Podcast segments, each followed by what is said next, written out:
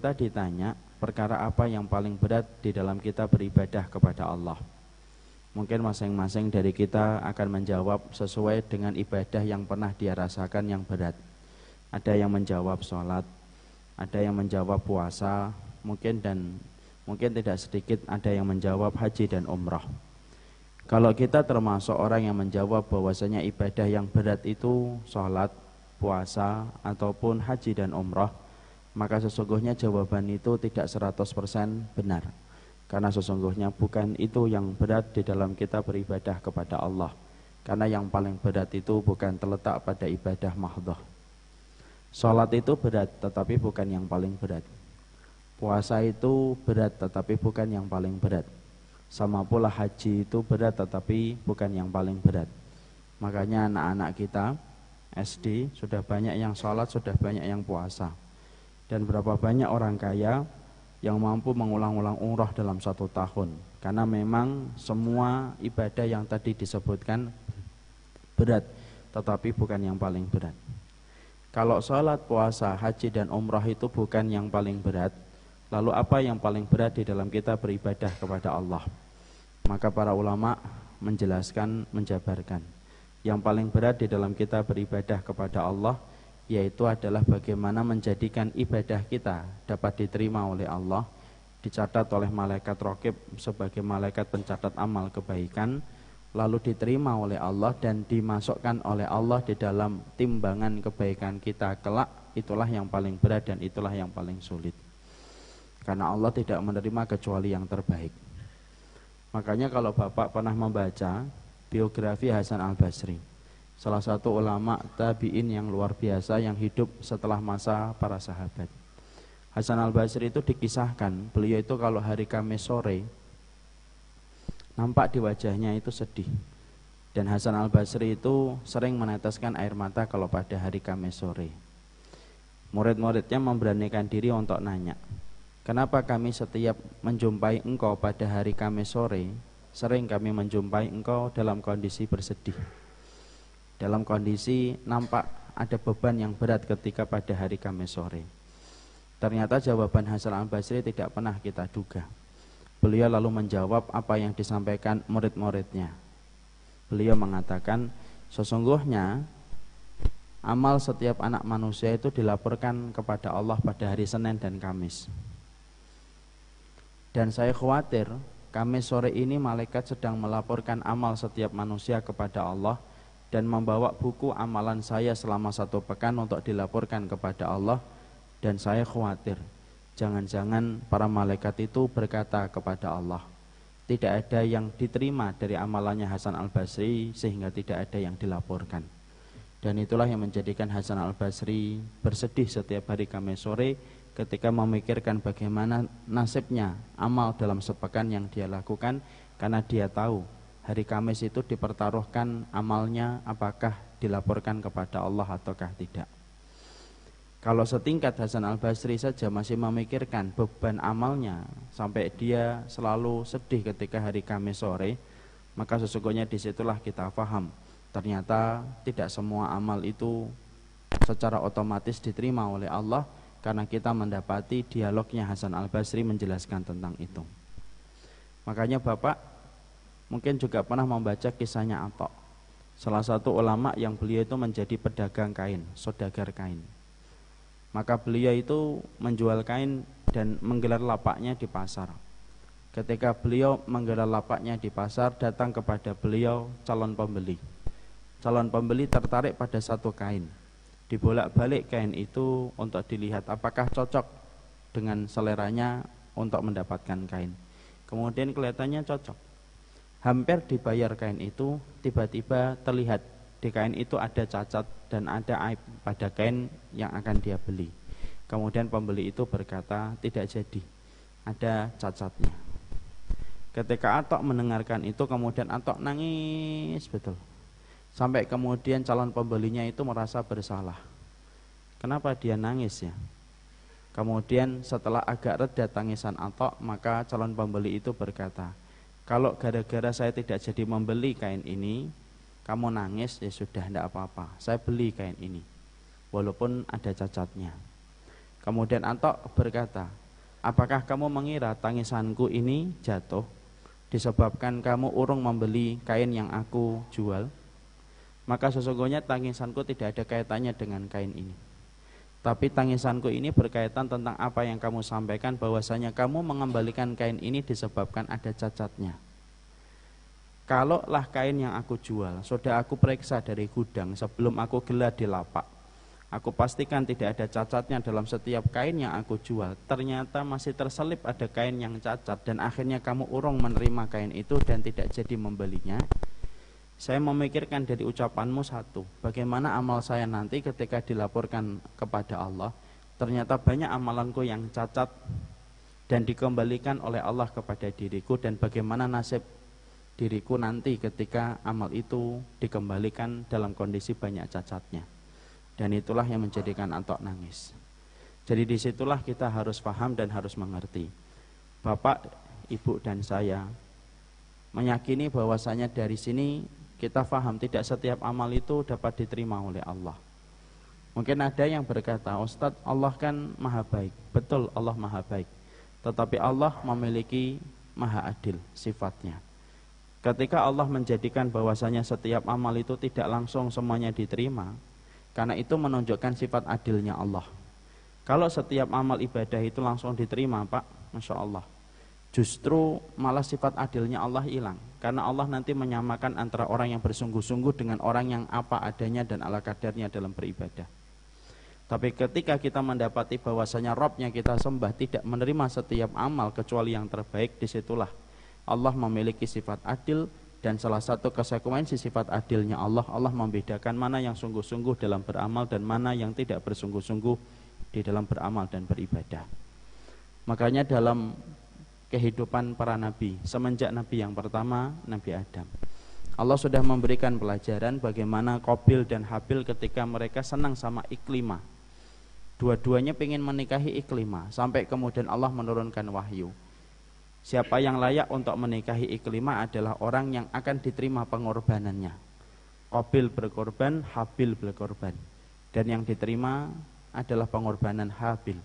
Adapun miliknya Kobil ditolak Sampai kemudian di situ kita juga mendapati bahwasanya tuh lihat semenjak Nabi yang pertama saja Allah sudah pingin Allah sudah menyampaikan pelajaran kepada kita tidak setiap amal itu diterima.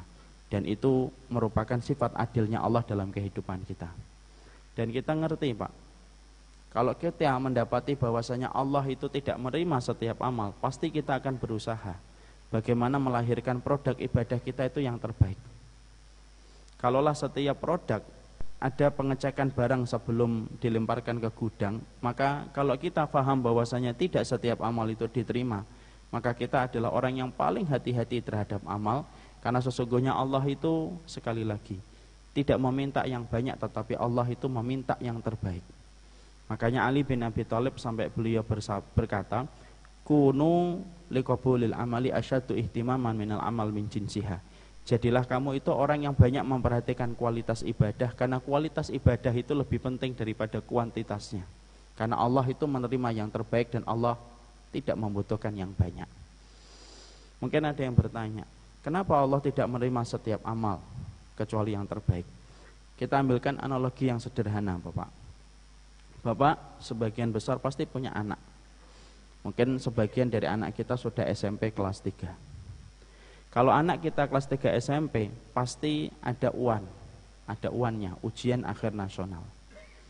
Kalau ternyata kita mendapati bahwasanya setiap siswa yang mengikuti UAN pasti lulus dan tidak ada yang mengikuti UAN kecuali lulus. Apa yang terjadi pada anak kita dan yang terjadi pada siswa?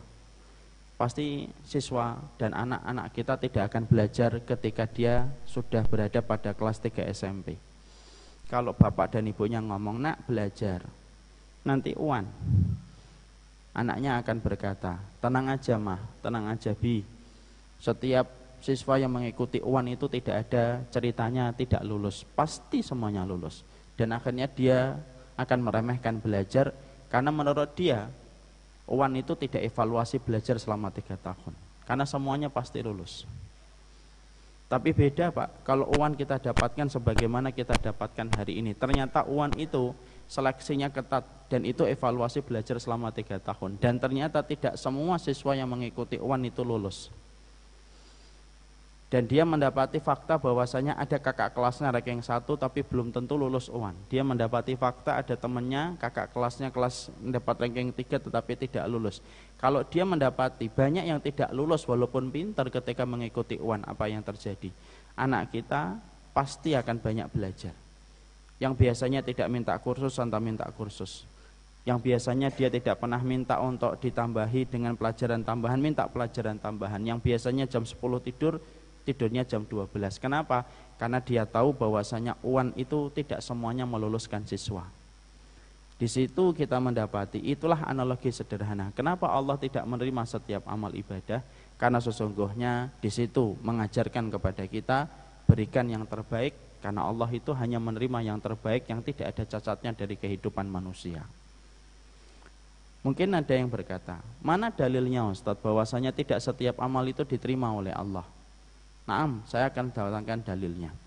Dalilnya sebelum saya menerangkan dalil naklinya dari Al-Quran ataupun hadis, saya akan sampaikan dulu dalil aklinya. Dalil aklinya itu lewat penalaran akal untuk kita fahami. Setelah itu nanti kita akan sampaikan dalil secara nakal yang kita ambil dari Al-Quran dan hadis. Dalil aklinya itu secara penalaran adalah tentunya kita paham Pak. Orang yang nanam padi belum tentu orang yang nanam padi itu panen dengan apa yang dia tanam. Berapa banyak petani setiap pagi nanam, membajak sawah, tapi ternyata setelah melewati tiga bulan, masya Allah, gagal panen pak, dengan berbagai macam sebab, entah karena banjir, entah karena hujan yang sangat kencang, entah karena hama, dan akhirnya dia gagal panen. Berapa banyak petani yang mereka gagal panen dan urung memberikan hadiah kepada keluarganya yang telah dijanjikan gara-gara dia tidak jadi panen. Berapa banyak pebisnis dia merintis bisnisnya tetapi jatuh bangun di dalam bisnisnya dan tidak urung dan akhirnya orang mendapatkan sukses di dalam bisnisnya. Jatuh bangun dia merintis bisnis tetapi selalu gagal. Ya, banyak yang kemudian semacam itu. Saya dulu aja bisnis pak besi, tapi bangkrut. Ya. Curhat Ustadz, ya sedikit lah curhat. Ternyata kemudian kita mendapati bahwasanya tidak semua orang yang bisnis itu sukses di dalam bisnisnya. Kita mendapati pula bawahan itu ketika memberikan laporan kepada atasan belum tentu atasannya menerima. Berapa banyak bawahan stres Pak berada pada tekanan yang kuat ketika atasannya itu perfeksionis dan tidak pernah menerima laporan dari bawahan kecuali yang terbaik. Kalaulah saya dan Bapak secara akal memahami nalar bahwasanya setiap orang yang menanam padi belum tentu sukses, setiap pebisnis belum tentu sukses dan setiap bawahan ketika memberikan laporan kepada atasan itu belum tentu sukses itu nalar yang memudahkan kita untuk membuka akal pikiran kita. Di situlah kita bisa mengkiaskan. Sama amal itu tidak semuanya langsung diterima oleh Allah dan tidak otomatis setiap apa yang dilakukan manusia itu diterima oleh Allah karena kalau kita termasuk orang yang langsung berpikir bahwasanya setiap amal kita diterima oleh Allah, kata Imam Ibnu Qayyim, beliau berkata, salah satu bisikan setan kepada manusia untuk terjerumus kepada kerusakan, setan itu kalau goda kita bukan hanya dengan zina. Bukan hanya goda kita dengan minum khamar dan judi. Tapi salah satu godaan setan kepada hati manusia itu apa? Hati manusia itu dikondisikan supaya dia merasa setiap amalnya itu langsung diterima oleh Allah sehingga dia tidak pernah khawatir terhadap amalnya ketika perasaan itu muncul maka dia tidak bersungguh-sungguh dalam ibadah berikutnya dan dia tidak pernah menambah dan menambah ibadah karena merasa tabungan amalnya sudah terlalu cukup dari apa yang sudah dia kerjakan. Makanya ini merupakan dalil akli bahwasanya tidak setiap amal itu dapat diterima oleh Allah. Makanya maaf ya, jangan sombong. Saya menasihati diri saya, Jangan sombong terhadap ibadah. Baru hijrah dikit, baru tobat dikit, sudah sombong dengan ibadah. Makanya Imam Ibnu itu sampai berkata, tidak ada kesombongan yang paling tercela kecuali kesombongan terhadap ibadah. Orang kalau sombong, Pak, dengan hartanya mending walaupun itu tercela. Karena apa? Setidaknya harta yang dia sombongkan itu diterima. Setidaknya mobilnya yang harganya 3 miliar kelihatan. Rumahnya yang harganya 2 miliar kelihatan. Orang nggak sombong dengan hartanya itu masih mending, walaupun tercela, tetapi mending karena apa yang dia sombongkan itu kelihatan dan betul-betul dia raih. Imam Ibnu Qayyim lalu nerangkan lo yang paling lucu, yang paling mengerikan dan yang paling naas itu adalah orang yang sombong terhadap ibadah karena yang dia sombongkan saja belum tentu diterima oleh Allah dan belum tentu menjadi catatan kebaikan yang dikumpulkan oleh Allah dalam buku kebaikan amal dia. Apa yang dia sombongkan? Makanya kalau ada orang baru hijrah dikit gitu, baru meninggalkan misalnya baru meninggalkan ulang tahun, baru meninggalkan kemudian kebiasaan yang kurang benar, kemudian sombong, seakan-akan orang lain itu tidak ada masuk surga kecuali dirinya. Seakan-akan orang tidak ada yang benar kecuali dirinya, saya berpikir loh yang disombongkan dia ketika jalan sampai tidak mau senyum sama orang gitu. Loh yang disombongkan apa? Wong jaminan dia untuk menjadikan amalnya diterima aja belum ada sama sekali kok. Karena tidak ada jaminan mutu dan tidak ada garansi bahwasanya setiap amal itu pasti diterima oleh Allah. Tidak ada itu. Kecuali sampai kita memberikan yang terbaik. Setelah kita memahami ini, dalil aklinya, nah kita belajar Dalil naklinya, mana dalilnya Ustadz bahwasanya tidak setiap amal ibadah itu langsung diterima oleh Allah. Kita akan sebutkan tiga dalil di dalam Al-Quran dan tiga dalil di dalam hadis. Karena kita paham omongan tanpa dalil itu tidak perlu kita dengarkan. Maka dalilnya dari kitabullah itu setidaknya tiga. Yang pertama, dalil yang kita baca pada surat Al-Kahfi 103 dan 104. Pada dua ayat itu 103 dan 104 pada surat Al-Kahfi Allah berfirman Kul hal nunabbi'ukum bil akhsarina a'mala alladhina dhalla sa'yuhum fil hayatid dunya wa hum yahsabuna annahum yuhsinuna sun'a. Allah itu menyampaikan kepada Nabi dalam dua ayat itu Kul katakan wahai Muhammad kamu mau tahu nggak siapa orang yang paling merugi amalnya itu nyesel dengan amalnya itu. Kata Allah. Allah kemudian melanjutkan pada 104 itu alladzina dhalla sa'yuhum fil hayatid dunya orang yang mereka tersesat dengan amal ibadah yang telah mereka lakukan tersesat karena amal ibadah itu ternyata tidak sesuai dengan petunjuk arah yang ditetapkan oleh Allah Ironisnya wahum yasabuna annahum yuhsinuna sunnah. Ironisnya menyedihkannya adalah sudah tersesat ketika tidak sesuai dengan apa yang menjadi petunjuk yang diberikan oleh Allah, tetapi ternyata mereka merasa telah memberikan sajian yang terbaik kepada Allah tetapi Allah menolaknya. Dulu saya menganggap bahwasanya ayat ini, dua ayat ini 103 dan 104 hanya bicara kepada konteks orang kafir. Tapi ternyata kita menjumpai bahwasanya dua ayat ini tidak hanya bicara kepada orang kafir, Pak, tetapi berlaku umum, ta'umu alal jami, dia berlaku umum, baik kepada muslim dan non-muslim. Karena sesungguhnya banyak amal ibadah yang ternyata bisa menjadi cacat dan itu sebab Allah itu menolak. Banyak ibadah yang bisa jadi tidak memenuhi syarat dan Allah itu menolak. Kita ambilkan contoh Pak dari non-muslim. Berapa banyak orang non-muslim yang memberikan sajian yang menurut mereka itulah yang terbaik untuk Tuhan mereka. Tapi apakah semua pengorbanan yang telah mereka berikan itu akan diterima oleh Allah? Tidak yakin kita ketika Allah menerangkan pada ayat ini, kita yakin 100%. Allah tidak menerima ketika mereka tidak beriman kepada Allah dan Rasulnya. Kita lihat Pak, contoh orang Nasoro. Di antara pengorbanan orang Nasoro itu apa? Orang Nasoro itu kalau mau jadi pendeta rela untuk tidak nikah. Tidak nikah dia. Dan mereka merasa ketika tidak menikah itulah pengorbanan ketika mereka memberikan yang terbaik kepada Rob mereka, Tuhan mereka. Karena mereka merasa bahwasanya pernikahan itu mengotori perjalanan ibadah mereka. Tapi apakah para pendeta ketika mereka tidak menikah itu nanti akan diterima oleh Allah? Semua pengorbanan mereka sampai mereka mematikan fitrahnya dengan tidak menikah? Enggak Pak. Wallahi tidak akan Allah terima. Dan Allah menyampaikan itu. Karena banyak sebab yang bisa menjadikan barang ibadah yang kita lakukan itu cacat. Salah satunya cacatnya barang ibadah yang kita miliki apa? Syirik. Makanya kita menjumpai pula dengan apa yang terjadi pada Abu Talib. Abu Talib itu apa sih Pak kurang baiknya Pak?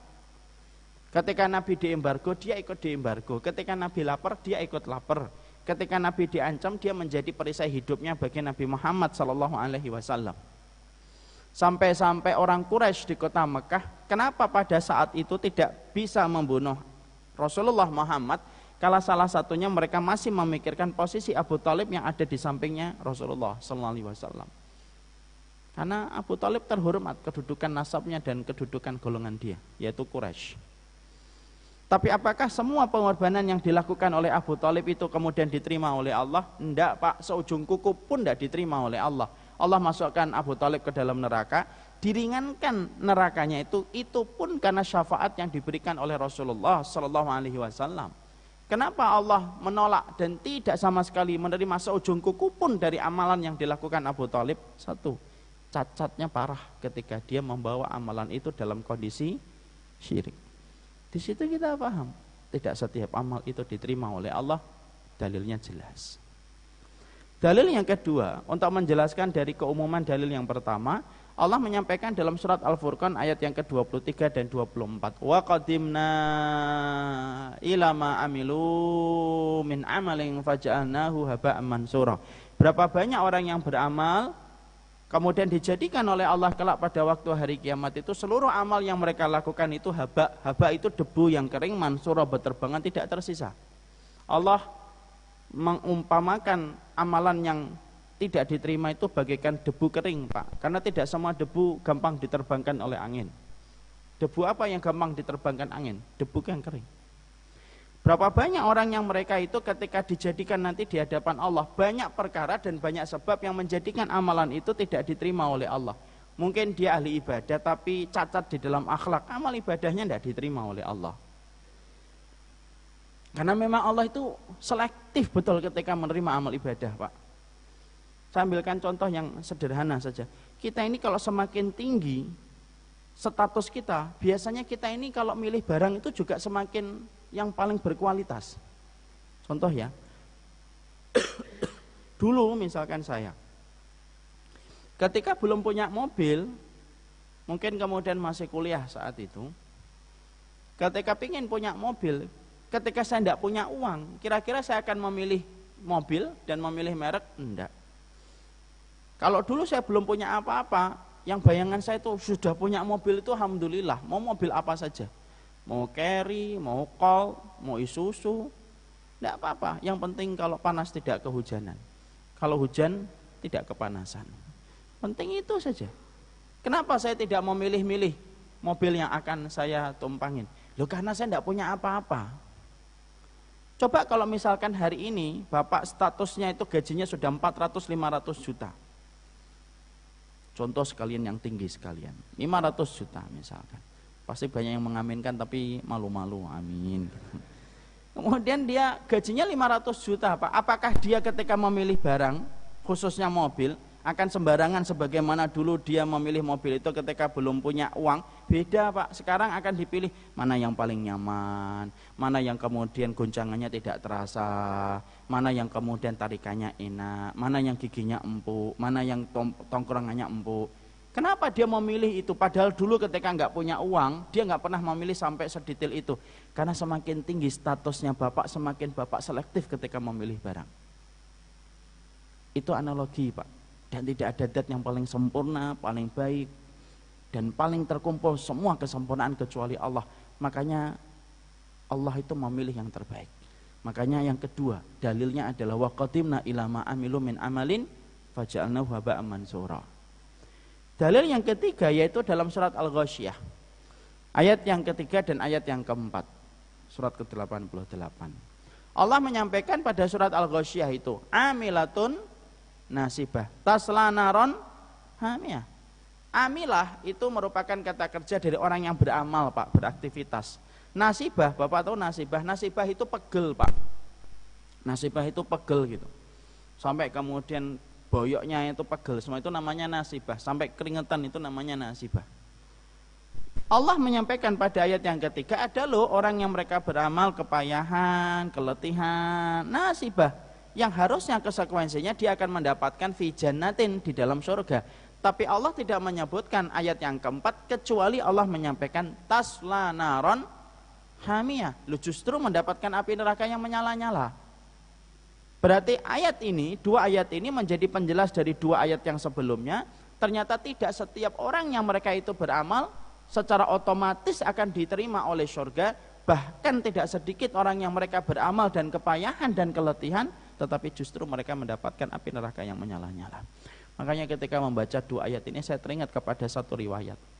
Riwayat yang datang dari Umar bin Khattab. Umar bin Khattab itu Pak ketika banyak menang pasukannya, dan banyak wilayah yang dulu dikuasai sama Romawi akhirnya dikuasai sama Islam maka kemudian beliau pernah berdiri di depan gereja dilihatin orang itu lalu lalang di gereja itu ada yang bawa air, ada yang bawa palang dan lain sebagainya. Kemudian Umar bin Khattab nangis. Kemudian ditanya, "Mayubki kaya Umar, lo yang membuatmu nangis apa sih Umar?"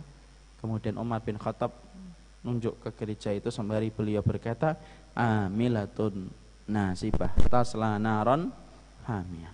Berapa banyak orang yang beramal kepayahan dan kelatihan tetapi tidak mendapatkan apa pun dari apa yang dia usahakan. Itu tiga dalil. Dalam Quran Allah menyampaikan, menegaskan. Tidak semua yang kita lakukan otomatis diterima sampai kita memberikan yang terbaik sesuai dengan syarat yang ditetapkan oleh Allah. Setelah tiga dalil yang kita ambil dalam kitabullah, kita ambil tiga dalil dalam hadis.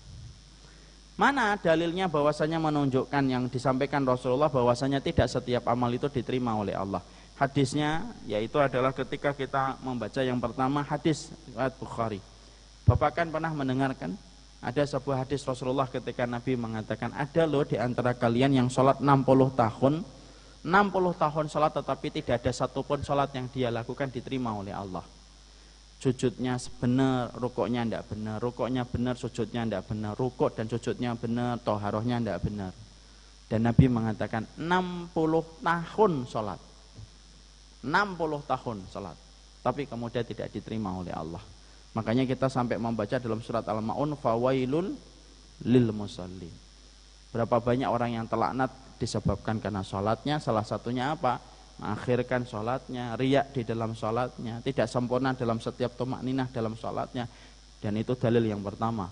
Nabi menyampaikan 60 tahun sholat tetapi tidak diterima oleh Allah. Dalil yang kedua, bahwasanya kemudian tidak setiap amal itu diterima yang disampaikan Nabi. Ada satu dalil yang sering disampaikan oleh para duat dan para ustadz ketika di bulan Ramadan.